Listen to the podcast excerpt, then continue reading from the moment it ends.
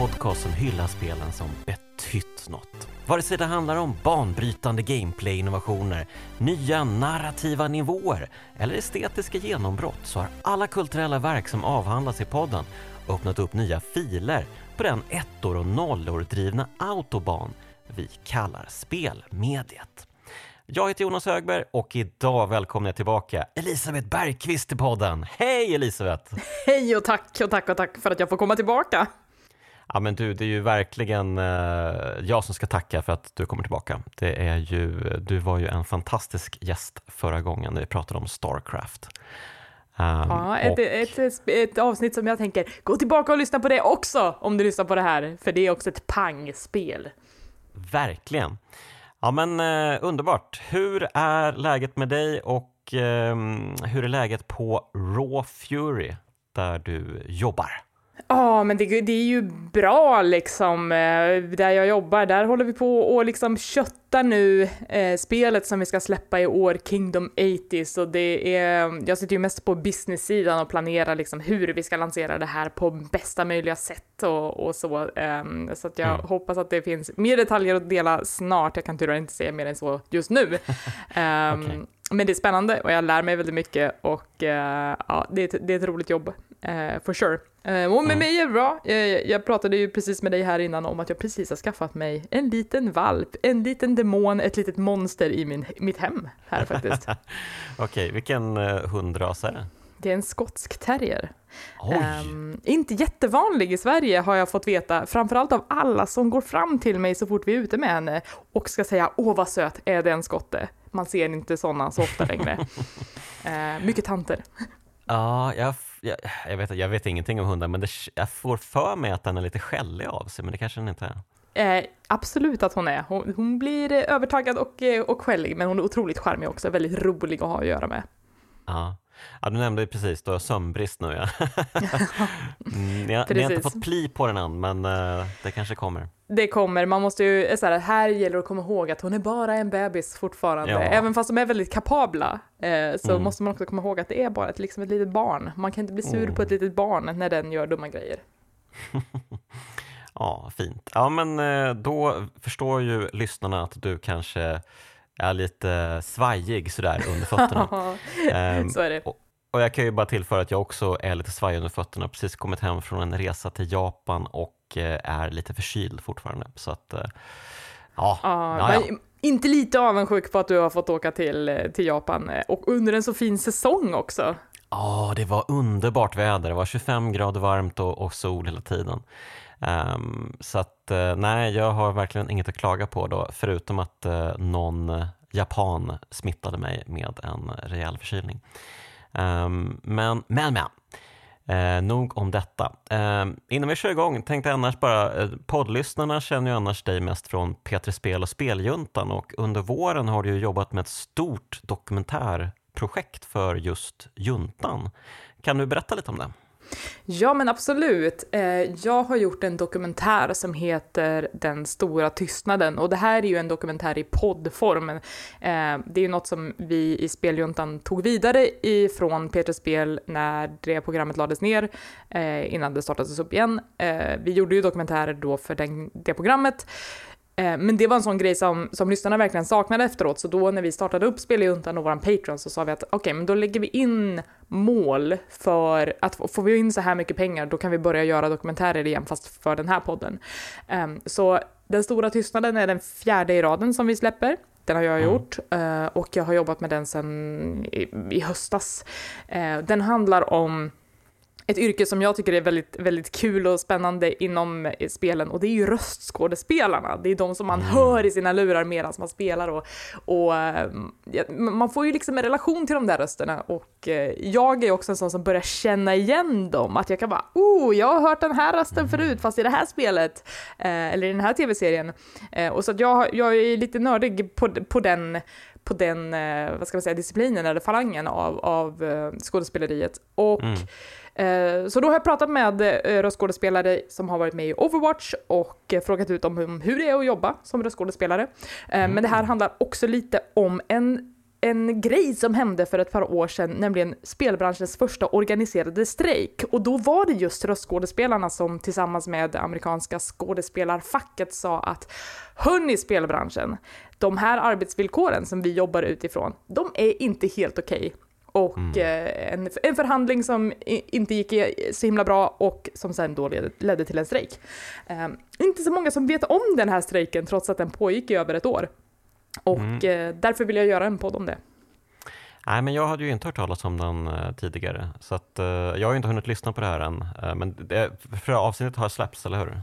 Ja, det finns att lyssna på i speljuntans poddflöde. Man kan eh, söka i typ valfri poddapp på typ eh, Speljuntan dokumentär och då borde den dyka upp rimligtvis. Härligt. Ja, men eh, det ser verkligen fram emot att lyssna på. Ehm, jag älskar också röstskådespeleri och alltså, det är alltid kul med feta strejker och stick it to the man um. ja, men det, det, det, är gött att ha den där lilla underdog-grejen, men jag, jag, jag, försökte också nyansera det där lite grann för att även om de strejkade väldigt mycket så kanske de inte fick igenom alla punkter som de, som de, vill, mm. eh, som de slogs för och det får man ju höra mer eh, i detalj om i själva podden. Men, men eh, så här, facket finns ju där för att inte, skydda och, och strejken ska ju vara liksom ett, ett medel för att uppnå sina mål men, men eh, det är också ett bevis på att det inte det är inte riktigt så enkelt heller. Mm. Nej, jag fattar. Eh, de har ju en stor eh, strejk i Hollywood nu för alla manusförfattare, så man undrar ju lite om, om det även kan sippra in i spelvärlden också. Um, att uh, kanske andra, andra yrkeskårer inom spelbranschen också får för sig att börja strejka. Det kanske kan vara någonting. Man vet ju att villkoren är sisådär på många ställen. Just det. Ja, jag, jag, jag, visst är det så att det är vissa spelwriters som är med i samma fack också? Eh, ja, för jag, jag, har sett att de, det är flera av dem som tar ställning för det här på Twitter också, så att eh, den här dokumentären kom ju med en eh, ganska oplanerad timing eh, just i samband med att den här eh, Writers Guild-strejken drog igång också. Mm. Ja, men härligt. Se fram emot att lyssna på detta, Elisabeth. Um, men nu ska vi prata Pokémon. Tystnaden. ja, men jag tänkte så här, här bryter du säkert för något gött musikstycke eller någonting. Jag bara, åh, jag sitter där med andakt och bara, vad kommer ja, nu? Just det, just det. Ja, precis.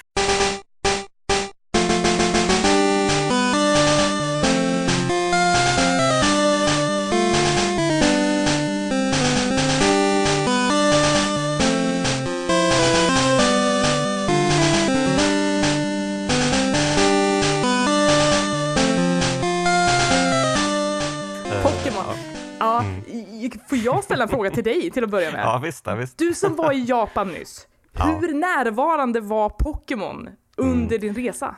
Ja, men du, det var ju verkligen eh, överallt skulle jag säga. Um, det var ju svårt att liksom, man, man vände sig om och sen så var det liksom en stor billboard med Pokémon. Um, och framförallt så var det ju, eh, det var lite kul tycker jag, för att överallt i Tokyo så har de ju de här äh, kapsel, äh, de är ju tokiga i sådana här kapselmaskiner. Um, där man liksom lägger i en ehm, um, 200 yenmynt eller något sånt där och uh, så vrider man på en spak och så får man ut en liten boll som man öppnar och så hittar man någon kul liten grej inuti.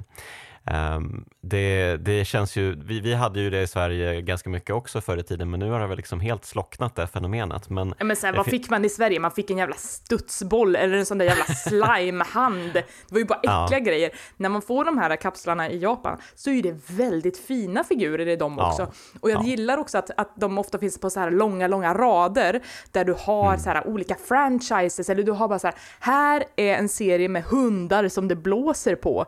eh, och så är det bara jättegulliga hundar som bara blåser åt sidan. Eller ja. så här, jag, jag har också köpt en eh, en som var så här, här är det hundar som kissar på saker. Eh, hundtema på det här nu. Men, men eh, de är otroligt fina också, roliga att ge bort i present. Mm, mm. Ja, men de, de hade ju jättemånga Pokémon-varianter också som man kunde plocka ut i, i sådana fina kapslar. Och eh, det var ju en påminnelse om att eh, Pokémon ursprungligen startade som just eh, Capsule Monsters i sin linda. Way back tidigt 90-tal när eh, de började utveckla spelen. Um, så att, uh, nej men det var en, en härlig uh, cirkelkomposition för mig uh, att vandra runt där och kika på alla kapslar. Men nu är man ju nyfiken på hur det var för Elisabeth Bergqvist när hon upptäckte Pokémon way back. Ja, det här var ju ett livsomvälvande eh, ögonblick för mig. Eh, och jag ska säga att det började på ett lite, lite märkligt sätt, för att vi har ju då liksom det här succéspelet i Japan som skulle exporteras ut i världen. Och det lanserades ju tillsammans med en tv-serie. Det här var ju liksom ett, ett mm. multimedia-franchise som, som Nintendo tillsammans med Game Freak lanserade eh, på, på en otroligt bred front med otroliga marknadsmuskler bakom. Så mm. det första eh, mötet jag hade med Pokémon var faktiskt när vi via våran satellit-tv, för vi, för vi var ju liksom en välbeställd familj, vi hade liksom parabol och fick in feta kanaler där. Då fick jag in tyska RTL 2 och där gick det roliga tecknade serier som var mycket mer spännande än det man fick på svensk tv. Då såg jag Pokémon för första gången, på tyska. Eh, och eh, jag var helt, jag, här, jag fattade ju ingenting, men det jag såg var ju otroligt. Eh, mm. Och sen så dröjde det inte länge där innan eh, min pappa kom hem och eh, han reste mycket i jobbet och för att jag vet inte, kompensera för att han var borta så mycket så fick jag ibland fina presenter när han kom hem. Då kom han hem med ett Gameboy och Pokémon Blå. Eh, och då mm. efter det så var det ju liksom kört. Um, mm. För jag var ju i helt rätt ålder för för det här uh, spelet som då precis hade lanserats. Um, och då, de släpptes ju i två exemplar, det var ju Pokémon Blå och Pokémon Röd. Även Pokémon Grön i Japan ska sägas, men det kom ju mm. aldrig ut i, i, i, USA och Europa. Och um, grejen med de här två var att det var i princip samma spel, men att man man eh, dolde vissa features i den ena respektive den andra för att man sen då skulle komma eh, tillsammans som spelare och komplettera varandras samlingar. Mm. Um, och då, då, var det då Pokémon Blå jag spelade och ah, jag, jag, vet inte, det förändrade nog hela mitt liv för att det är en sån här livslång kärlek som hänger sig kvar än idag. Den slutar mm. ju aldrig liksom. Ja, vad spännande. Alltså jag är ju verkligen inget Pokémon-fan. Jag har ju spelat väldigt få Pokémon-spel i mina dagar egentligen. Um, och jag spelade inte Pokémon när det begav sig heller, um, så att jag fångades aldrig upp i hela det där liksom hysterin och fenomenet och sådär. Men uh, jag, uh, jag fattar ju grejen. Jag fattar ju det här att, uh, att samla på saker, att slåss mot kompisar, att byta Pokémons med dem. Det är ju supertilltalande um, och nu när man har spelat lite Pokémon Go ute i det fria och verkligen liksom med det spelet kommer tillbaka till vad uh, liksom själva ursprungspoängen egentligen var uh, med Pokémon-spelen. Det var ju också att få spelare att träffa andra människor och ja, men komma utanför huset också med sin Gameboy och träffa andra människor. Precis. ja, nej, det var det var någonting helt annat. Jag hade ju spelat lite spel innan, men man jag kan ändå säga att det här var ett av mina första spel. Uh, och uh, det, det, var... Jag vet inte, det, det triggar ju liksom någon jävla synaps i hjärnan som gör att man blir tokig. För mm. konceptet är ju “gotta catch em all”. Det var ju liksom den amerikanska sloganen som följde med både spelen och, och tv-serien. Um, att du har eh, ett spel som är egentligen ganska klassiskt JRPG i sin combat, att man har två karaktärer som slåss mot varandra i turordningsbaserade strider, men att det här, den här formen är ju då att du som karaktär samlar på dig de här små monstren, Pokémon, som ska slåss mot varandra. Och att du kan ha hur många du vill, det finns liksom ingen gräns för för hur många du kan skaffa dig. De har olika styrkor och svagheter, det gäller att göra bra matchups mot varandra eh, använda attacker taktiskt, men fortfarande ganska låg tröskel för det här. Det är ju fortfarande väldigt, väldigt accessible på ett sätt, lätt att lära sig. Mm. Ja, nej men ehm. verkligen. Man, eh, man, man snappar ju upp eh, det mesta ganska snabbt och sen finns det väl såklart, eh, alltså man, man kan ju säkert djupdyka i liksom eh, spelmekaniken ordentligt och liksom, ah, vilka attacker är bäst mot vilka fiender och sådär. Eh, jag antar att du Gud, har stenkoll ja. på allt. ja, nej, nej, alltså jag skulle faktiskt anse mig själv vara ganska medel i mitt tekniska engagemang för Pokémon, att jag är den som absolut följer serien och köper spelen när de kommer och försöker hålla, hålla mig ajour till viss del. Men det finns ju också en falang av spelare som är helt tokiga i det här spelet och som mm. eh, spelar simulationer av Pokémon-matcher och försöker verkligen hitta de perfekta attackerna. Eh, det här systemet har ju också vidareutvecklats under många generationer, för det släpps ju ett nytt Pokémon-spel liksom vartannat, vart tredje år. Mm. Och ja, till viss del också två på ett år som vi hade förra året. Um, där de lägger till så väldigt mycket olika statistik för de här olika monstren så att man, de vet liksom att ah, varje Pokémon har ett särskilt IV-värde som avgör liksom hur bra de är och det är hemligt i vissa spel och sen är det öppet Ja, i vissa andra spel. Och, ehm, alltså det blir mycket mer av ett minmaxande och ett nummerkrunchande, sifferkrunchande som, som jag som barn och kanske inte nu he- heller egentligen inte är så intresserad av utan ehm, jag, jag vill nog snarare leva mig bort i den här fantasin som Pokémon äggar. Ehm, och den, den kom ju också mycket tack vare tv-serien som, som så småningom kom till Sverige också. Ehm, Mm, Att mm. den följer ju liksom den här Pokémon-tränaren, fyller tio år, alla barn som fyller tio år ska ge sig ut i världen och resa runt tillsammans ensam med sin Pokémon. Det är helt sjukt i huvudet. Men när man själv som barn ser det, man bara wow, när jag blir tio, då ska jag också typ ut i världen. Ja, gud ja. Men- ja, men- men- mm. Eh, jag, jag, jag tänkte bara också tillägga att det Mm. som var viktigt som, som tv-serien etablerade också var att Pokémon var vänner. Det här är djur och de vill vara din vän och man ska bygga de här fantastiska vänskaperna med dem. Det var ju också Mm. det som lockade. ja, men hur rimmar det med att man fångar Pokémons egentligen? Ja, det, det där ska man inte tänka för mycket på tror jag. Ja, Okej, eh, okej, ett visst stråk av sadism finns det alltid i det här spelet, men eh, nåväl. Eh, du, vi har ju eh, spelat Pokémon Yellow eh, Mm. inför den här poddinspelningen och eh, det är väl liksom superversionen av Pokémon Röd och Blå. Ja, Eh, det berätta stämmer. lite, vad, vad är det som skiljer Pokémon Yellow från de, de tidiga spelen? Ehm, jag tror att det, det främsta som skiljer det här spelet från de andra är att det är mycket mer förankrat i tv-serien. Eh, och för att dra lite bakgrundshistoria till varför det är så, så, så hade ju eh, Game Freak utannonserat att nästa Pokémon-generation skulle släppas, Pokémon Gold and Silver.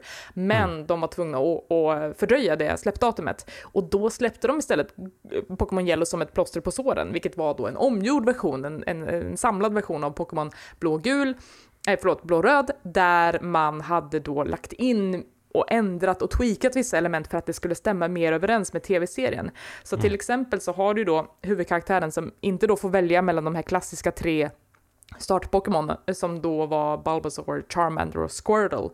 Ehm, utan då får man istället en Pikachu, precis som Ash får i tv-serien.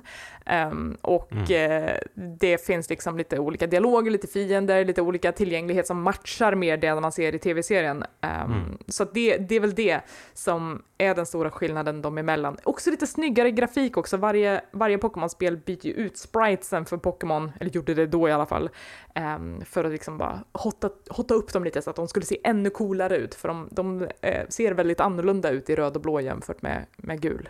Mm, jag kikar lite snabbt faktiskt på röd och blå på Youtube också.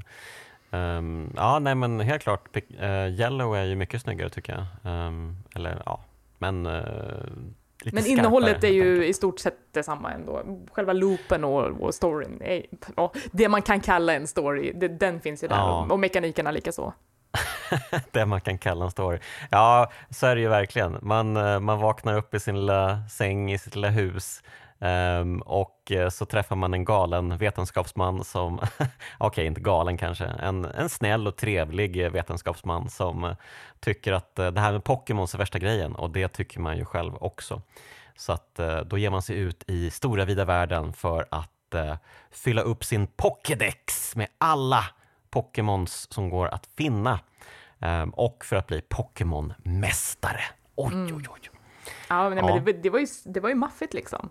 Eh, Mm. Kul eh, sidonotis där då om att man vaknar upp i sitt hus. När jag då eh, fick Pokémon och startade det för första gången så eh, jag fastnade väldigt snabbt i spelet för jag fattade inte hur man gick ut ur huset. Alltså jag var typ fast där i flera dagar innan jag fattade att man skulle typ gå ut för att det är inte helt tydligt att det är en dörr där, det liksom ligger bara en liten matta på golvet. Ehm, okej, och det här är ju liksom väldigt simpel Gameboy-grafik när man är eh, och rör sig i den här världen, så att det är Mm. ju väldigt, eh, man får fylla i mellanrummen väldigt mycket själv med hjärnan, om man säger så. Just det. Aha, men då hade du kanske inte spelat så många liksom, rollspel tidigare? Nej, nej jag var ju jag var ju ett barn liksom. Det var, jag hade inte Ah. spelat något i det här formatet förut, absolut inte. Just det. Ja, ja, precis. För som van rollspelare så är man ju liksom, det är ju fortfarande top-down view, precis som i alla Final Fantasy-spel och man vet ju att man typ i mitten av eh, den nedersta liksom raden där, så ja, där finns det en dörr vanligtvis att mm. ut. Just det. Okej, vad intressant. Um, så, vad härligt att ja. du inledde din karriär som Pokémon uh, tränare med att uh, inte ens komma utanför dörren. Ja, ja um, det bådade inte gott, men jag tror att det löste sig till slut. Mm. Um, men, um, ja, nej, men det, det, är ju ett lockande det här, för det, man ska, som sagt, man ska inte ifrågasätta så mycket mekaniker runt det här, att den här vetenskapsmannen bara, ah, du ska hitta alla Pokémon, fyll det här Pokédexet, för jag behöver veta allt om alla Pokémon som finns. Och sen känner jag lite så här, och det sätter du en tioåring på att göra, finns det inte ja. mer kapabla personer att göra det här? Han har ju också en, en eh, en, en sonson som mm. eh, figurerar som ens rival i det här spelet. Så att vi får ju exakt samma uppdrag. Och den här sonsonen äh, återkommer ju under spelets gång och liksom kommer säga nej, nej, nej, nej, hur mycket har du hittat då? För jag har hittat skitmycket. Eh, och sen försöker han spöa en. ja, fy fan vilket as han är. Ja. Um precis. Uh, ja, jag, jag fattar aldrig riktigt om han heter Blue eller om han heter Gary, eller jag försökte läsa på, uh, men det finns väl ingen liksom kanonvariant? Uh. Red och Blue är väl uh, kanonnamnen för huvudkaraktären och hans rival ah, okay. Ehm, mm. på engelska. Uh, men Ash och Gary är ju tv-serienamnen som mm. de slängde mm. då in som alternativ i de här spelen för att det skulle mm, matcha lite mer. Okay, okay. Men man får ju också välja egna namn på de här helt och hållet så att du kan ju bara sagt, var du barn så kunde du döpa huvudkaraktären till ditt eget namn och sen så tar du liksom den fulaste ungen i skolan döper du den andra killen till då. Precis, precis. Ja men uh, underbart, underbart. Ja, nej men det, man, blir alltid, man blir alltid glad när han dyker upp för då får man äntligen liksom uh, trycka till honom ordentligt. Precis. Och det, det förtjänar han verkligen.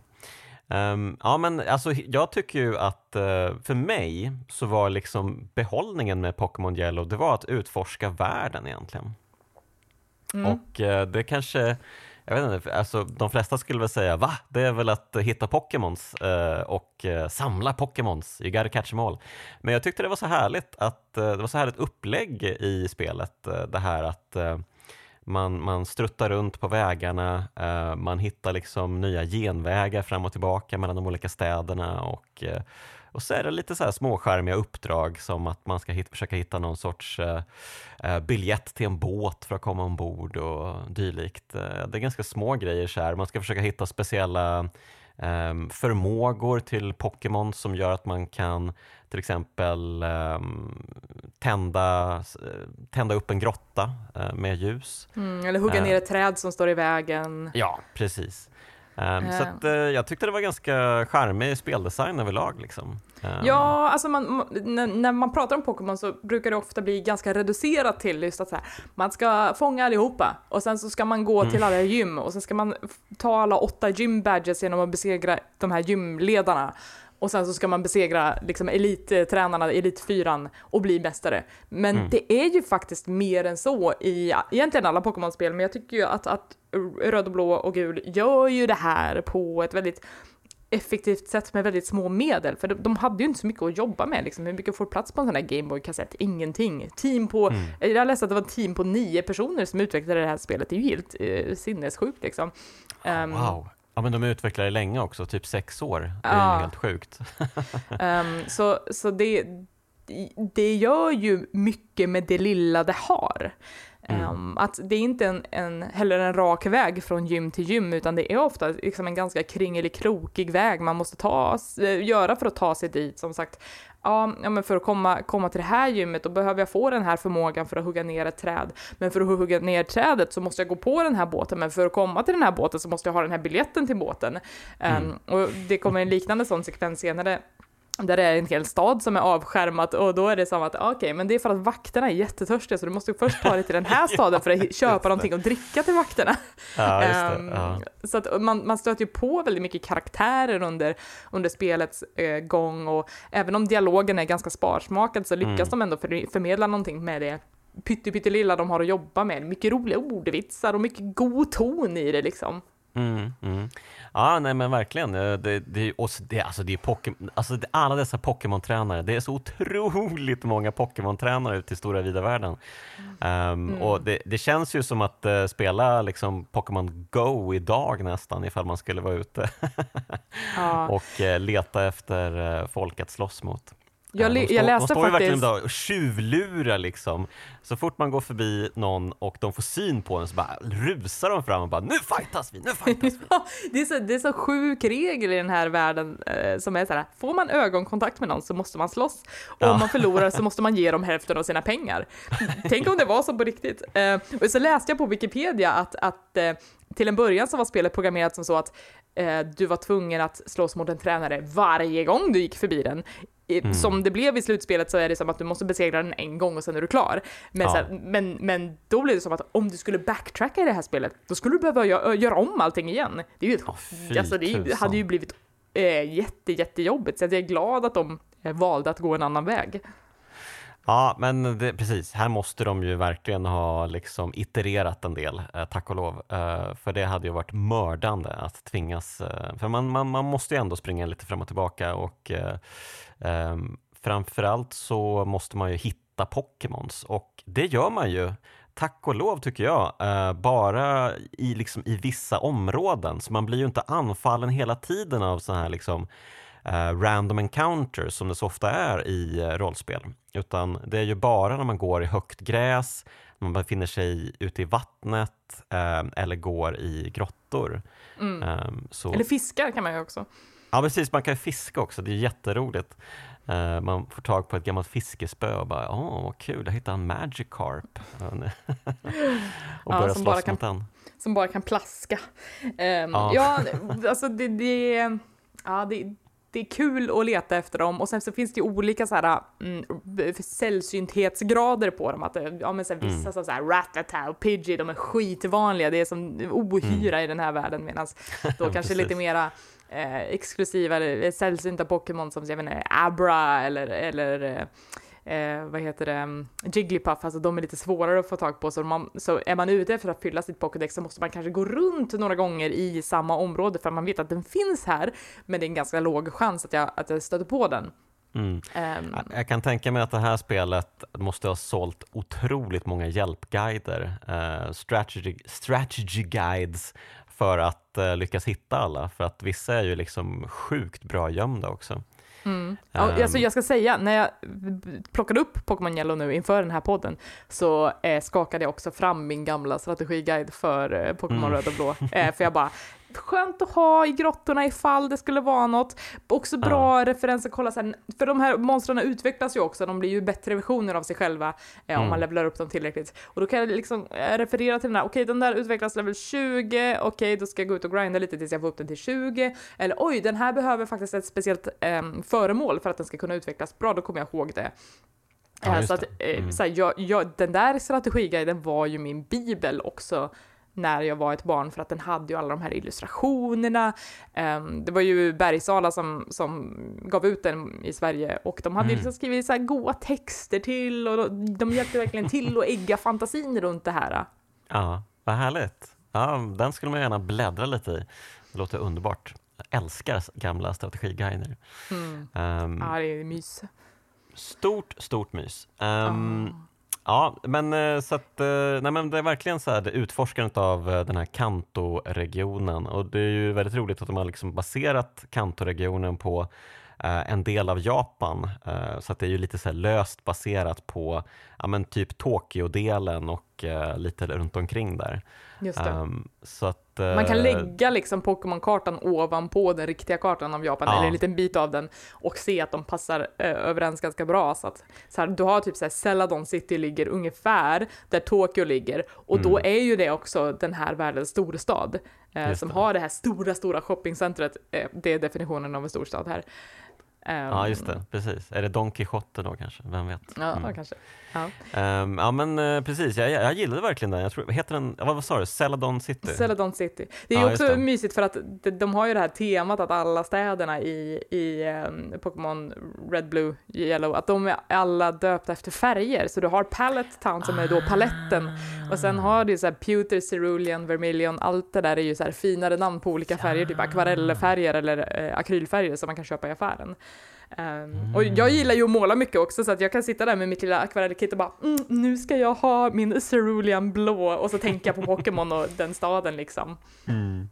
Ja, vad härligt. I, I had no idea faktiskt. Uh, visst, man känner ju igen vissa av dem, men uh, okej. Okay. Härligt. Um, ja, och, alltså, vad tycker du om alltså, färgerna i spelet då, rent specifikt? Um, När vi ändå är inne på det. Ja, men så här, vi spelade ju också Pokémon Gul, vilket la till väldigt mycket färg jämfört med originalspelen. Det, mm. det ska vi faktiskt peka på, att det var inte riktigt lika färgglatt i Pokémon Röd och Blå när de kom. Mm. Um, så det, det, det, de har är så här, det är ganska monokromt. Men ja. när man kommer in i en ny stad så får man liksom en färgpalett som motsvarar den färgen som är i namnet, så att när du kommer till Lavender Town då blir det mm. mer lila, lila tonat eller är du i Saffron City då blir det lite mer gult. Mm. Um, så att det, det, det är ju lite charmigt på det sättet men det är också otroligt sparsmakat verkligen. Ja, ja, men eh, jag kan verkligen gilla det. Jag tycker att det kanske är till och med lite för mycket färg i spel nu för tiden. Så, så det var lite skönt att gå tillbaka till det här liksom nedtonade verkligen. Um, Ja, men det... just uh, Pokémon Color, uh, eller säga Game Boy Color-spelen tycker jag är ganska trevliga faktiskt. Ja, uh. nej men de, det är ju mysigt liksom. Och här, återigen, jag kommer tillbaka till det här med att liksom Pokémon äggar fantasin, för att just när det inte finns den här högdefinierade grafiken så måste man fylla i resten själv och jag tycker mm. att det är lite gött och jag tror att, tycker att det utmanar hjärnan på ett sätt som känns lite sunt. Um, det, vi har det för bra i spelen nu för tiden, för det finns liksom inget utrymme för fantasi längre för att det ska vara så fotorealistiskt och, och liksom raytracing och allt vad fan det är. Precis, um, men apropå, uh, var det Cerulean? Nej, Celadon City var det. Ja. Vissa av de där är så lika. Eh, precis, Celadon City. Man kan ju hitta spelutvecklarna i stan. Ja, eh, jättemysigt Easter mm. egg om man hittar eh, in i ett speciellt hus. Och då sitter de där och berättar, hej, det är jag som har gjort all art till spelet, det är jag som har kodat allting. um, ja, mm. det, det, det, finns ju många mysiga hemligheter i det. En annan sak som jag tycker är, är kul med det här spelet är ju mm. hur mycket myter det har funnits runt det eh, mm. genom åren. Och speciellt då för, för röd, blå, gul eh, och speciellt då innan man hade full tillgång till internet och, och när det gick så här verkligen rykten på skolgårdarna om eh, saker som man kunde göra, det som fanns i spelet. Och liksom hälften av det där stämde ju inte. Men du har liksom allt ifrån att eh, om man höll in B när man kastade en pokéboll för att fånga en Pokémon så, så skulle man ha en högre chans att lyckas. Det, ah. det finns ju inga belägg för, det stämmer ju inte. Um, det, det, eh, vad fan är det mer? Jo, eh, det, det, var också, det finns också en Pokémon som heter Mew som mm. eh, finns i spelet men som eh, inte går att få tag på. Och jag läste också eh, på om det här att utvecklarna la ju in det bara för att det skulle skapas rykten om den. Att ah. såhär, alla vet att den finns men ingen vet riktigt hur man kan få den. Och då började det startas en massa såhär, rykten om att ah, men det finns typ en lastbil där den där båten var. Om man surfar över till den och kollar under den lastbilen då kan man få Mew. Och sen så, det funkade ju inte alls, det, det stämde ju inte. Eh, och sen blev det också så att eh, Nintendo-klubben, när den fanns i Sverige och släppte sin tidning på den tiden, de skrev också något himla aprilskämt om att såhär, ah, eh, första april då passerar Nintendos satellit precis över Sverige så att om du typ går upp på en kulle och lindar in din Gameboy i aluminiumfolie och håller den mot himlen då kommer du få typ Mew eller någon annan Pokémon.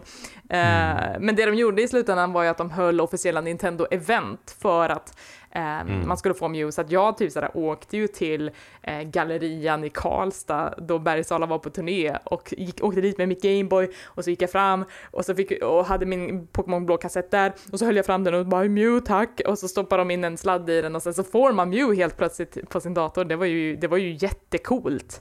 Eh, en otrolig PR-kampanj av liksom både Nintendo i stort men också för alla, alla återförsäljare. Mm. Ja, eh, ja, otroligt. Eh, och eh, det finns väl, det finns väl någon, någon speciell variant i just Pokémon Yellow där man kan hitta Pikachus egen liksom strandhäng. Mm. Och han har något speciellt minispel där. Ehm, men ja, men det är väl inte liksom... myt, det är väl på riktigt? Ja, det är precis, ja, precis det är ju på riktigt. Men okej, okay, ja, myterna kan jag inte så mycket om. Men Fast det är också en som, vad heter det, när vi gjorde dokumentärer på P3 Spel som Angelica gjorde en dokumentär om, eh, mm. Angelica Norgren då, eh, om Lavender Town Syndrome. Och det, den myten gick ut på typ så att musiken i Lavender Town och det är ju lite av en spökstad för det, det ligger ett stort torn där som är som en gravplats för det avlidna Pokémon. Det, mm. det är ju mm. ganska mörka teman ändå, så här, det är så här, ja, ja Pokémon kan dö och de säger så här rakt ut att det, det här elaka gangstergänget som finns, Team Rocket, de har dödat de här Pokémonerna. Man bara, wow.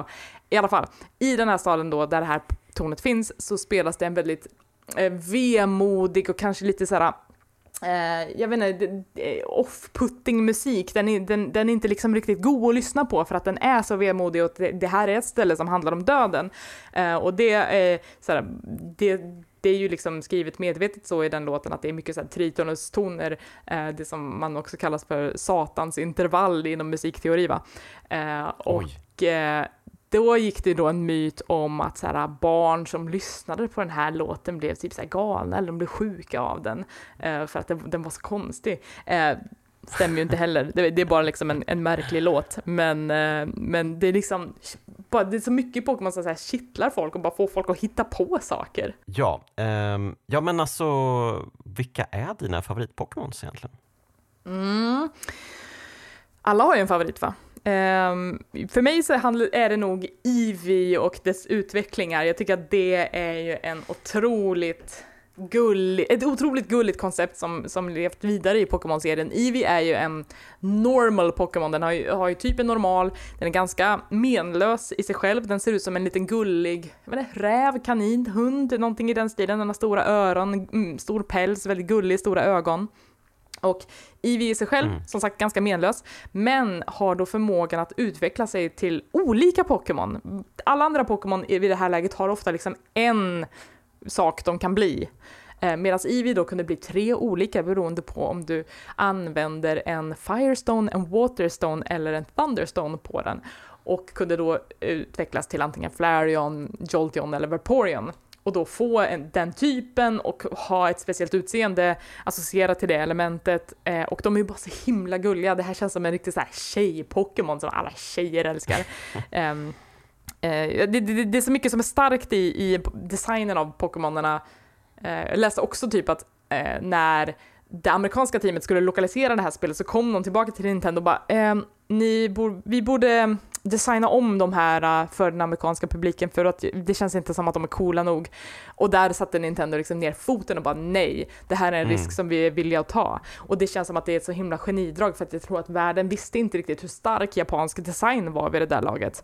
Um, det var ju tidigt 90-tal också när um, vi har precis haft den här uh, spelkraschen som var på så här, typ tidigt 80-tal och efter det så hände det en grej eh, i den här branschen som gjorde att alla började marknadsföra spel mot små pojkar. Det var ju liksom mm. den enda målgruppen.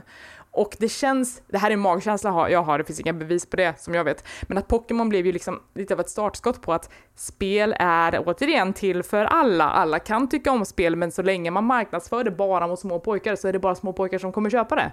Eh, Pokémon mm. liksom vägrade vika sig på den punkten, att det ska finnas gulliga monster i den här världen. Och titta, wow, alla älskar Pokémon nu helt plötsligt. Uh, så att, så att jag, Eevee är verkligen liksom my shit. How about you? Stort seriöst-spoiler. Ja du, eh, det är en bra fråga. Eh, alltså Jigglypuff är ju en, en mysig puff, det måste man ju ändå oh. tillstå. Eh, så att absolut, och jag menar, det finns absolut inget fel på Pikachu. jag förstår ju varför Men lite de... överskattad också, eller hur? Ja, men alltså, jag förstår ju varför de vill att, uh, varför de frontade liksom uh, spelen med honom.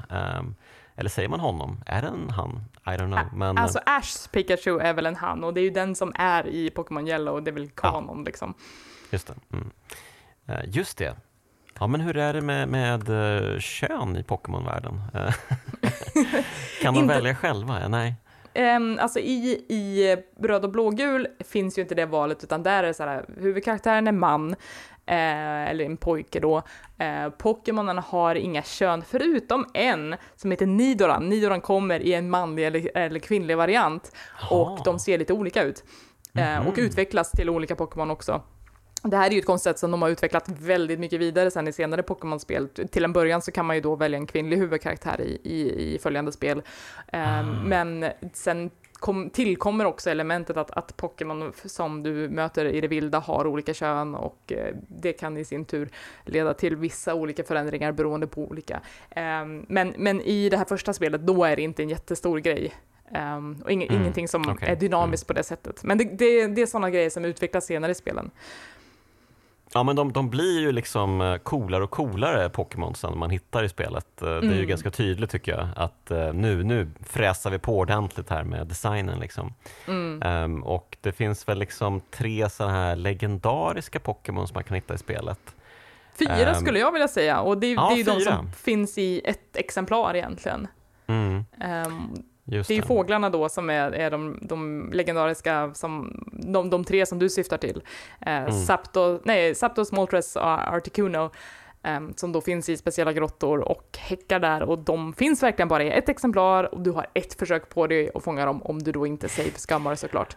Ehm, Ja. Och om, om, du, om du sjabblar bort den ba battlen, då är det kört, då kan du inte få dem igen. Ehm, det finns också en fjärde då, eh, Mewtwo, som finns i en hemlig grotta i slutet av spelet efter att du har blivit Pokémon-mästare. Mm, just det. Också den i ett exemplar. Och det, det är någon variant på Mew då? Ja, här, det fi- finns ju lore på det här och den förklaras ju inte supertydligt i själva spelet, men det kommer ju sen i den första Pokémon-filmen. Då Ah, får man veta mer om det här. Mew då, den, den, den hemliga Pokémonen som finns i koden men som ingen vet hur, hur man kan få. Ehm, i filmen så är, är ju då storyn att Team Rocket har fångat Mew, experimenterat på den och klonat den och då fått fram Mewtwo. Men Mewtwo är ju mer våldsam, är också medveten, kan också kommunicera med människor via telepatiska förmågor. Blir Hitler! Eh, och sen så kommer då Ash och visar att nej, du behöver inte vara Hitler, eh, vi kan alla leva tillsammans i frid. Eh, väldigt eh, känslosamt utseende där, där Ash också förvandlas till sten och alla Pokémon gråter över hans eh, förstenade kropp. Eh, det är stark tobak där verkligen. Eh, m- men, men, wow, men okej. den, den storyn går ju förlorad i, i spelen. Eh, men eh, det finns ju ändå ett tema av så här, genetik och, och DNA och ehm, Mm. ja, men just så här, att, att ingenjörskapet runt att skapa nytt liv, det finns ju, det temat finns ju i spelet på, på flera olika plan. Ehm, Mm. Du hittar till exempel olika fossiler som du sen kan ta till ett visst labb och sen kan du klona fram uråldriga Pokémon till exempel. Ehm, men också eh, den här eh, andra galna vetenskapsmannen i spelet, Bill, som har råkat förvandla sig själv till en Pokémon och så måste man gå och hjälpa honom och, och få tillbaka sin kropp och det, det är väldigt mycket så här spännande genetiska experiment som pågår i Ah. den här världen. Ja men verkligen, där fick man ju verkligen lite flugan-känsla när man stötte på honom. Eh, tyvärr så händer det ganska snabbt att man liksom eh, hjälper honom. Eh, han, han hoppar in i sin teleporter och så trycker man på en knapp och så blir han vanlig igen. Liksom. Mm. Eh, men det känns som att där hade de kunnat sträcka ut det där lite längre och pyssla Det lite med body horror-fenomenet lite kanske. Det är ju ett helt avsnitt i, i tv-serien. Eh, i Aha, tur. okej. Eh, Så, Okej. att, så att alla de där grejerna får ju liksom en, en vidareutveckling om man tar del av hela multimediafenomenet som ändå är Pokémon. För att det, det som är så spännande med det här är ju hur det har utvecklats och blivit liksom ett monster. Det är ju, ett, det är ju en av, om inte världens största franchise när det kommer till omsättning. Mm. Mm. I att det liksom är, det är spel, det är tv-serier, det är kortspel, det är liksom eh, merchandise, det är det ena och det andra. Det tar ju liksom inte slut. Pokémon finns liksom på alla nivåer. Mm. Ja, nej men eh, man, eh, man häpnar över vilket jävla fenomen det är. Ehm, och eh, om, vi ska prata mer om just Pokémon Yellow, um, alltså Alltså hur var det för dig nu då, när du spelade om spelet? Var det Mm. länge sedan du spelade om spelet eller liksom brukar Ja. du spela om det här spelet med jämna mellanrum eller hur, hur är din relation till spelet idag liksom? Jag spelade om det mycket oftare när jag var barn. Då kunde jag verkligen plocka upp dem och spela om dem. För jag har ju liksom, jag hade ju bara Pokémon blå till en början, men jag har ju också röd och gul sen efter det. Just för att jag fick ju Mew på min blå kassett och då kunde jag aldrig ta bort det savet för att då skulle ju min Mew ja, gå förlorad. Så den, mm. den är orörd liksom. Um, men, men då spelade jag om dem ganska ofta. Sen hände det en grej. Eh, och det var att eh, Pokémons eh, kassetterna, alltså de Gameboy-kassetterna, mm. över hela världen, deras interna batteri tog ju slut. Och då ah, kunde man inte längre spara sin sparfil. Så att jag är också lite så här att om jag kör igång mina kassetter nu så kommer mina sparfiler kanske gå förlorade. Så jag måste egentligen eh, byta ut de interna batterierna och då måste man hitta nya och man måste öppna dem och löda in nya batterier. Det där har jag inte gjort. Och då blev det ju som att då kan inte jag spela de här längre för att de funkar inte som de ska. Mm. Eh, så det har varit ganska länge sedan jag spelade det fram till nu när jag plockade upp det igen och då köpte jag det faktiskt som, som eh, eh, en emulerad version på e-shoppen till 3DS. Eh, mm. Precis innan den shoppen stängde, vilket är ju liksom en helt annan eh, femma som hände ganska nyligen. ja, det, ja. Eh, så det var ganska länge sedan eh, jag plockade upp det här. Jag, eh, det är ju framförallt en jättestor våg av nostalgi såklart, eh, som sköljer över mig när man är tillbaka i den här världen och man hör den här musiken. Musiken är ju alltid väldigt så här marschinspirerad, det låter som så här ja, militärtåg liksom, som går och, ja, den är väldigt pampig och pompös liksom. Mm. Eh, så det, det, det kommer ju tillbaka till mig direkt. Eh, jag har haft väldigt roligt, för jag minns när jag spelade det som mest att jag liksom tyckte att det var jobbigt att gå runt i högt gräs och ta random encounters och sådana grejer. Och, men nu känner jag att jag bara njöt av det. Jag ville verkligen gå runt och påta och hitta alla och grinda lite och sådär. Um, när jag var barn så spelade jag nog också mer som att jag hade liksom tre favorit-Pokémon som var de enda jag hade i laget och jag bytte dem aldrig och då blev de överlevlade och ingenting annat hann jag levla ikapp. Eh, mm. Men nu är jag mycket mer intresserad av att ha ett mer välrundat lag eh, och att alla ska vara lite mer på samma nivå och då krävs det lite mer omsorg och lite mera eh, noggrannhet och sådär. Så att jag spelade nog på ett lite lugnare och finare eh, sätt och eftertänksamt och lite mer meditativt. Jag tycker att det är ganska gött att göra det. Det är ett, ett spel som jag inte vill skynda mig fram i. Ja. Um, jag slås också av just hur mycket content det är i det här spelet, trots eh, liksom de knappa förutsättningarna. Men eh, jag har ju spelat mm. de senare Pokémon-spelen och, och, tycker kanske att de saknar lite själ och jag tycker att de saknar lite set pieces och lite av de här sidoberättelserna som finns i just Pokémon eh, Yellow och, och deras tillhörande spel med de här, den här galna vetenskapsmannen eller det här eh, tornet med begravplatsen eller det här gangstergänget mm. och så vidare. Uh, jag tycker att de nya spelen är mycket fattigare på det.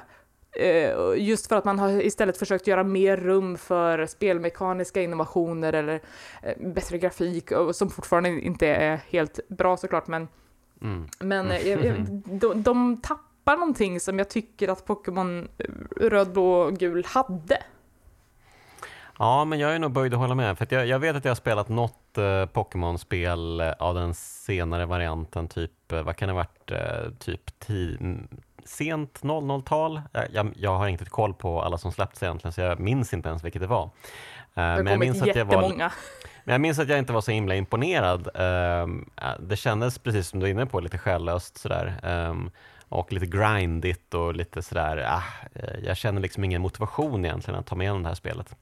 Eh, men nu när jag spelade Pokémon Yellow så var det ju liksom en varm, härlig, öppen värld som man verkligen ville utforska. Och eh, det fanns ju faktiskt massvis att utforska också.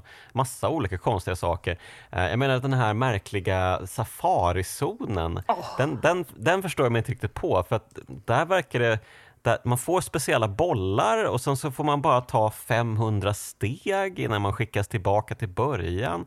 Det är så mm. många konstiga restriktioner där men Eh, som och så får du bara kasta då... sten på Pokémon också. ja. för, du, för du får inte ta med ditt eget lag in dit för att battla mot dem, utan det här är mer så här, det här är Pokémon uppfödda i någon slags fångenskap och man får bara kasta sten på dem eller de här safaribollarna för att fånga dem. Man får ja. inte eh, liksom möta dem i strid på samma sätt. Och man bara okej, okay, det här är en jättekonstig turistattraktion. Eh, som man håller på med. Verkligen. Ja, nej men, och, och sen eh, ja, men, eh, så här lite halvlulliga och lite halvgulliga pussel när man går runt i de här Eh, inte alltid gymmen, det finns ju lite andra hus man är inne och utforskar. Eh, ofta har det med Team Rocket att göra, de här skurkarna liksom. Eh, man ska typ eh, gå på olika pilar och studsa liksom mellan olika Um, alltså det är som en labyrint med så här pilar man åker mellan. Uh, och så finns det teleportörer också som man hoppar hit och en dit. Um, så att uh, det känns som att de har tänkt på många olika många olika designplan här och försökt få in lite allt möjligt i spelet egentligen. Inte bara den här liksom klassiska spelmekaniken utan det finns lite annat göttigt att, uh, att fastna för. Ja, verkligen. Um, mm. Ja men eh, som sagt, och jag tyckte nog eh, bäst om just eh, den här storstan som vi redan varit inne på en massa. Det är ju härligt om man är inne i Team Rockets, eh, ja är det typ deras högkvarter där? Ja, typ. Eh, de, de har ju någon gambling-ring eh, ja, precis. som man liksom ska försöka ta sig in bakom kulisserna på och stoppa deras hemska ledare Giovanni. Mm. Som återkommer senare i spelet och visar sig vara en av de, den sista gymledaren man måste ta sig an och man bara shit, organiserade brottsligheten har sträckt sig ända till toppen, korruptionen oh. är stark i den här världen. Uh, ja, nej, den är, jag tycker också att Team Rocket liksom var ett farligt gäng då, som sagt de har ihjäl Pokémon och de ja. liksom stjäl och förstör och liksom utnyttjar och, och de, de har ju blivit, de är mycket gulligare i tv-serien på grund av goda skäl och de har ju blivit mer av såhär jag menar maskotar för tv-serien, väldigt så klumpiga hantlangare som inte gör någonting rätt och de är ju charmiga på sitt eget sätt. Men mm. alla senare generationer av Pokémon-spel försöker ju sen introducera ett nytt gangstergäng och inget av dem har ah, det där som okay. Team Rocket hade. Jag tycker att de är, de är goa ändå. Ja, men det är som, som vi redan varit inne på massa, jag tycker just karaktärsdesignen på alla de här figurerna och karaktärerna, den är ju briljant här faktiskt. Jag gillar verkligen Team Rockets eh, alla olika eh, befälhavare och underhuggare.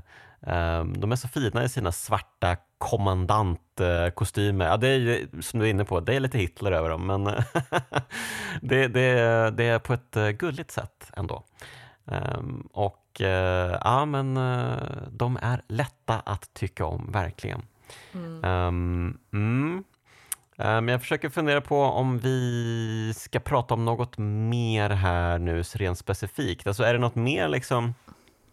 Jag får inte försöka fundera på om det är någonting jag tänker på. Nej men det, det är ju, så här, har vi pratat tillräckligt om stridssystemet? Jag, vet, jag tycker att det är Eh, det finns en god begränsning i att varje Pokémon bara kan ha fyra attacker. Den lär sig mm. många fler under sin livstid.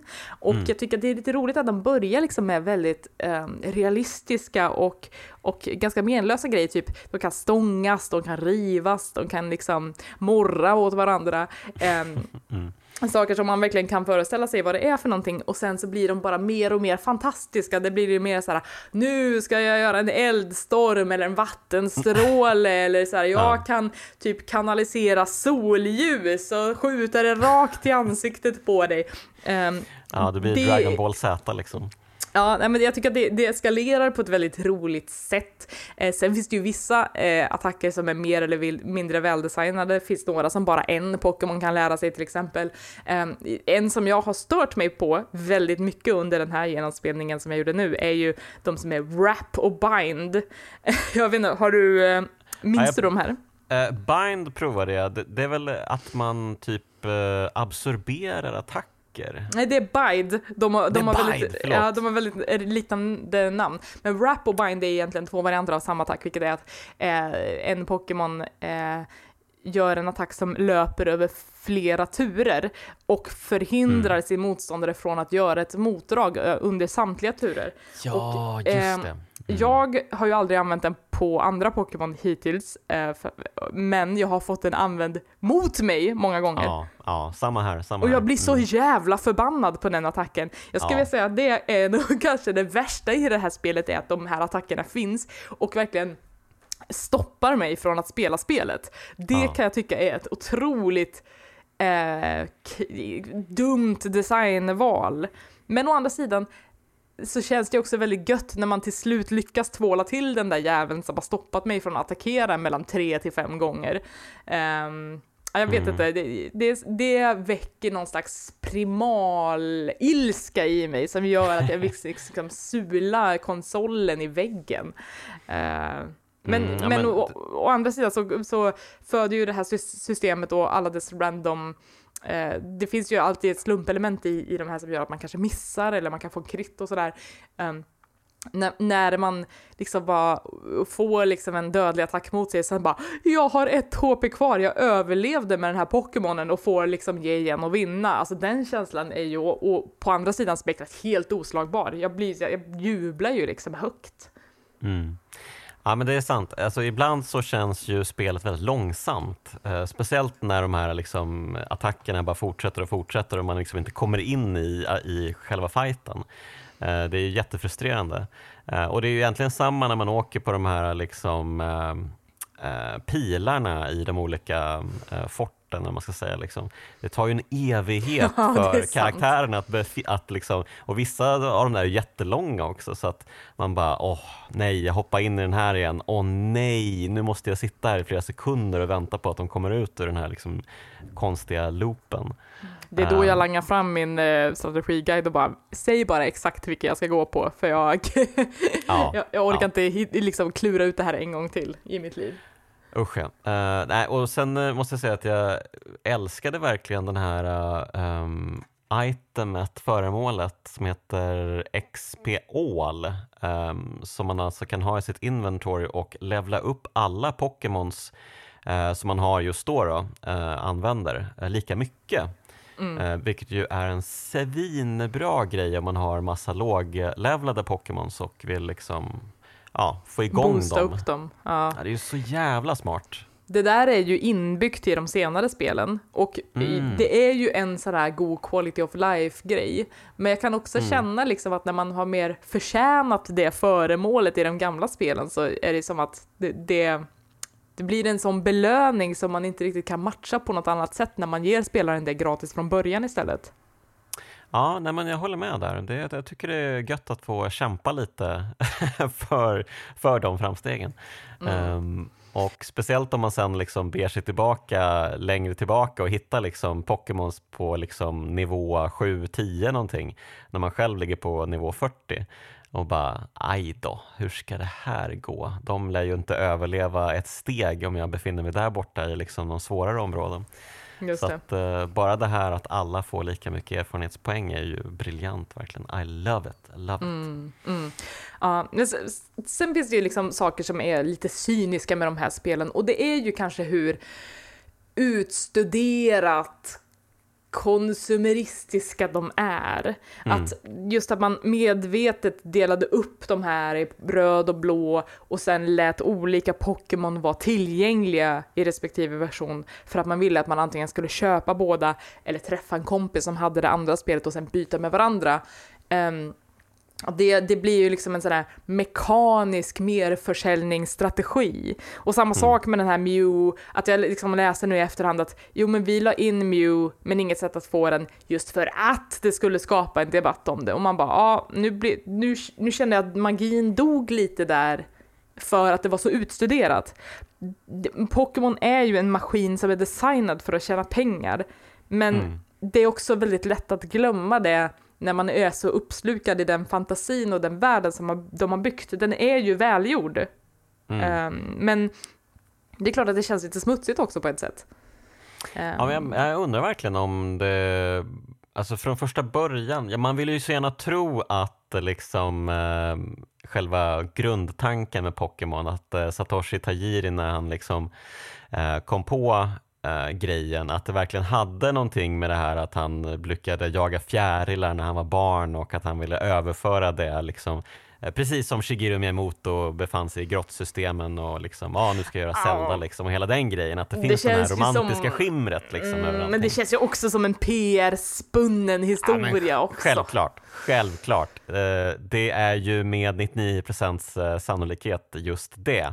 Men samtidigt så vill ju liksom romantiken i mig tro att ändå, ja ah, men Satoshi, oh, du, du, självklart.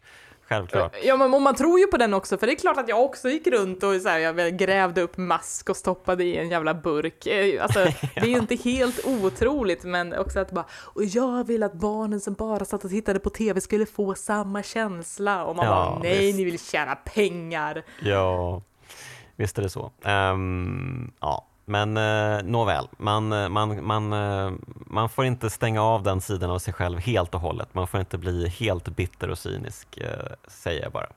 Men eh, visst, du har rätt. Du har rätt, absolut. Um, yes. Men det, men... Är lätt, men det är lätt verkligen att förlora sig i den här världen. Det, det är såhär, jag måste påminna mig själv om att vara den vuxna i rummet och bara ah, ja, ja, I'm such a sucker for this, men eh, ja, ja, det var det Jag älskar ja. det. Ja, absolut, men eh, nu på senare tid så, är det, känner jag verkligen så inför Pokémon. Bara, herregud, nu kommer nya spin-offs, det kommer nya spel hela tiden. Och jag känner bara varför ska jag bry mig om det här? Eh, liksom numera? Ja, och så bara, vi har gjort eh, hundra nya Pokémon till och jag bara, jag bryr mig inte om de här hundra nya. Jag gillar mm. de 150 gamla. Det, det, det, är också någonting, det är också någonting rent i designen på de här första uppsättningen Pokémon som finns då i, i röd, blå, gul. Uh, mm. De är liksom väldigt enkla, baserade på djur vi känner till, men har en liten, liten twist, någonting som gör dem lite mer fantastiska, lite annorlunda. Att de förmedlar sitt respektive element på ett snyggt men ändå diskret sätt. De har så igenkännliga figurer, de är lätta att rita när man är liksom åtta år gammal och bara vill rita Pokémon hela tiden. Ehm, det, det finns en renhet i de här originaldesignerna som jag vet liksom att, att vi gamla skolans Pokémon-fan, vi, vi, vi liksom är ju för kära i den. Det är, det är så svårt att ta till sig de nya Pokémonerna för att, och nu finns det ju över tusen, de är, de, för mm. de känns så överdesignade och det är ju svårt att göra tusen olika monster som känns lika rena, simpla som den här originaluppsättningen. Det är klart att de får slut på saker att göra. Mm. Uh, ja, ja vem, precis. Vem behöver tusen monster? 151 räcker ju faktiskt gott och väl. Uh, det är till och med det tycker jag är lite för mycket.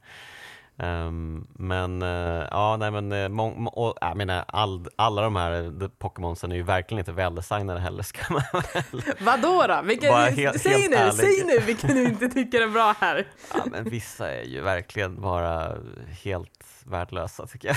Va? Name Men, names, jag vill ha kvitton här nu. Vilken är nej, den sämsta? Nej, nej, nej, nej. Alltså jag minns ju inte alla heller vad de heter, herregud. Men vissa är bara, åh gud, den där kommer jag ja, men typ, vilja Typ Grimer som bara är en hög med slem, typ. Ja, men, ja, men ex, ja, exempelvis, exempelvis. Den är ju vidrig verkligen, usch. Um, men eh, nej men okej, men alltså jag, jag fattar grejen och uh, hade jag spelat Pokémon när jag var 10 så hade jag ju definitivt fallit dit för det, definitivt. Um, nu råkade det komma ut när jag var lite äldre så att uh, då hoppade jag över det liksom. Men ja, nej jag, jag fattar verkligen grejen och om man ska spela Pokémon så ska man banne mig spela gamla Pokémon, så är det ju helt enkelt. Jag tycker också det, jag tycker verkligen det. Pokémon Go är ett bra spel, jag tycker att det är en bra inkörsport till Pokémon, men vill man ha det här lite mer regisserade äventyret och lite mer meditativa upplevelsen som inte tvingar en ut att gå, ja, nej, men jag tycker att, att ja. gammal är äldst i serien Pokémon-spel faktiskt. Men det finns en massa roliga spinoffer också och uh, uppföljare som är värda att ta en kik på om man sen blir såld på konceptet, absolut. Mm. Ja, förutom den här, alltså finns det något annat Pokémon-spel du skulle vilja rekommendera? Eh, jag tycker att den följande generationen med Gold, Silver och Crystal också är bra. Eh, det är också framförallt ett väldigt stort spel därför att den innehåller då en helt ny karta plus mm. kantokartan i röd, blå, gul så att det är väldigt mm. mycket spel i, i just de spelen. Okay. Um, ehm, Sen tycker jag att, oh, ja, oh, det här blir svårt. Jag tycker att Ruby och Sapphire är bra. Um, jag tycker också att Pokémon Sun and Moon, eh, när kom det? 2017 typ. Eh, mm. Där försökte de verkligen göra något annat med formen, vilket jag tyckte var Spännande. Då reste man runt på fyra öar inspirerade av Hawaii och de, de skrotade det gymledarkonceptet som fanns och ersatte det med något helt annat. De hade så här trials i djungeln istället och eh, mm. lät det vara utmaningen. Tyckte jag också var liksom en, en spännande take på konceptet. Um, mm. Sen är ju jag en, eh, också liksom en, en sucker för Pokémon Snap som är den här eh, fotograferingsspelet när man åker, det är som en rail shooter men istället för att man har liksom gevär och, och, och skjuta med så skjuter man ju av en kamera va. Eh, och då är ju poängen att man ska hitta alla Pokémon på en utstakad bana och försöka lura fram dem och ta den bästa möjliga bilden på dem. Det tyckte jag också var jättekul och det har ju kommit en ny, ny version av det också. ja, okej. Okay. Um, ehm, ja, men uh, ja, härligt. Uh, jo, nu kom jag på uh, en Pokémon jag verkligen gillar i Pokémon Yellow. Snorlax. Oh. Just för att eh, han befinner sig ute i den verkliga världen, att man kan stöta på honom och att han bara är liksom en, en stor jävla boulder som är i vägen för en för att han sitter och snarkar. Um, och att man då måste hitta den här pockeflöjten. Um, är det den? Ja, jag tror att det är en pockeflöjt. Som man ska precis. väcka honom ja, när man ja, spelar exakt. i den. Och så finns det bara liksom två stycken i spelet som man då, om man vill fånga en Snorlax så har man bara två stycken Eh, som faktiskt finns eh, i spelvärlden och inte bara att man går förbi och sen ah, random encounter och så dyker det upp en Pokémon. Um, det tycker jag var jättekul och det, det hade de kunnat göra lite mer också av att man, för man stöter ju på eh, Pokémons också i städerna mm, som liksom man, man pratar med tränare eller man går in i hus så kan det finnas Pokémons där också som man kan prata med till och med och eh, ja, men det hade varit kul liksom även ute på de här rootsen eh, om det funnits liksom mer så pusselbaserade lösningar kring eh, just Pokémons i spelvärlden på samma mm. sätt som med Snorlax. Det hade varit jättekul. Mm. Um, och det är en sån ja. grej som de också har utvecklat i, i senare spel. Kanske inte just att de har pussellösningar på samma sätt, men att, att Pokémon syntes i världen ja Ja. Istället för att de var random encounters. Det är ju ett sånt massivt steg som jag, som jag tycker har varit till det bättre för att det gör att världen känns ju mer levande också. Att man faktiskt ser en mm. ratata som smyger runt i gräset eller att det sitter en eh, Pidgey och häckar i trädet där borta. Liksom, att det, det, tekniken har ju kommit så långt att vi kan faktiskt göra de spelen nu också. Um, mm. Och fylla ut den här fantasin återigen. Mm. Ja, nej men eh, alltså du har ju redan sammanfattat allt fint här, men eh, om du ändå vill göra ett försök så får du gärna göra det. Varför tycker du att Pokémon Yellow är ett kraftspel? Ja du, jag tycker att Pokémon Yellow, och, jag, och i det här sammanhanget så vill jag sätta det som en representant för då hela den generationen, eh, Red, Blue och Yellow och grön för den delen, Green.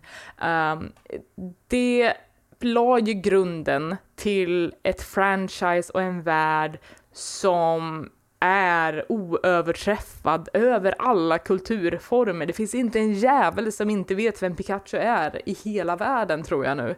Um, det, eh, det var ju helt otroligt att Pokémon verkligen förändrade världen på det sättet, så det kulturella arvet, det är ju en anledning. Men jag tycker också att deras eh, take på JRPG kändes eh, kul, fräsch, rolig och eh, så himla kittlande eh, för ett barn med för mycket fantasi. Och även idag så väcker de här spelen barnet i mig och tar mig tillbaka till en tid som var enkel och rolig. Mm. Ja, nej men bara det faktum att man kan vända sig om när som helst och eh, prata med sin Pikachu och eh, få se hur han mår. Eh, om han eh, mm. gillar den och det liksom är hjärtan eh, över hans huvud eller om han är riktigt sur för att man har förlorat så många fighter med honom. Det, mm. det är ett jätteliten grej egentligen men jag tycker att det tillför ganska mycket. Eh, hela liksom känslan i spelet och sådär. Verkligen. Mm. Ja, Underbart. Um, ja, jag blev faktiskt lite överraskad själv att jag tyckte om Pokémon Yellow så mycket som jag faktiskt gjorde. Uh, jag trodde jag skulle bli underwhelmed, precis som med de senare Pokémon-spelen jag faktiskt testat. Men uh, så var icke fallet. Vad glad eh, jag är att jag eh, gav dig chansen att upptäcka det här då och förhoppningsvis kanske någon som lyssnar också får en chans att plocka upp det. Som sagt, svårt att få tag på nu när, när e-shoppen har stängt för 3DS så det, det är svårt att hitta eh, lagliga sätt att plocka upp det här på nu, men, men eh, man kan ju hoppas att, att Nintendo jobbar vidare på sina virtual console-erbjudanden till, till Switch och, och, och låter oss komma tillbaka till Pokémons värld. Tack ska du ha Elisabeth för att du var med i kraftspelningen. Tack för att jag fick komma tillbaka igen. Hoppas att det kanske blir fler gånger. Det hoppas jag med. Och jag hoppas att alla tittare, nej, lyssnare heter det. Alla Pokémon-tränare. Eh, ja, men eh, fortsätt lyssna på kraftspelen och eh, lyssna även på Speljuntan med Elisabeth. Tack för att ni har lyssnat. Eh, tack för att ni är Patreons och eh, tack till de fina pojkarna i Bitpopbandet 047 som gör musiken till kraftspelen. Hörni, vi hörs igen nästa vecka. Hej då!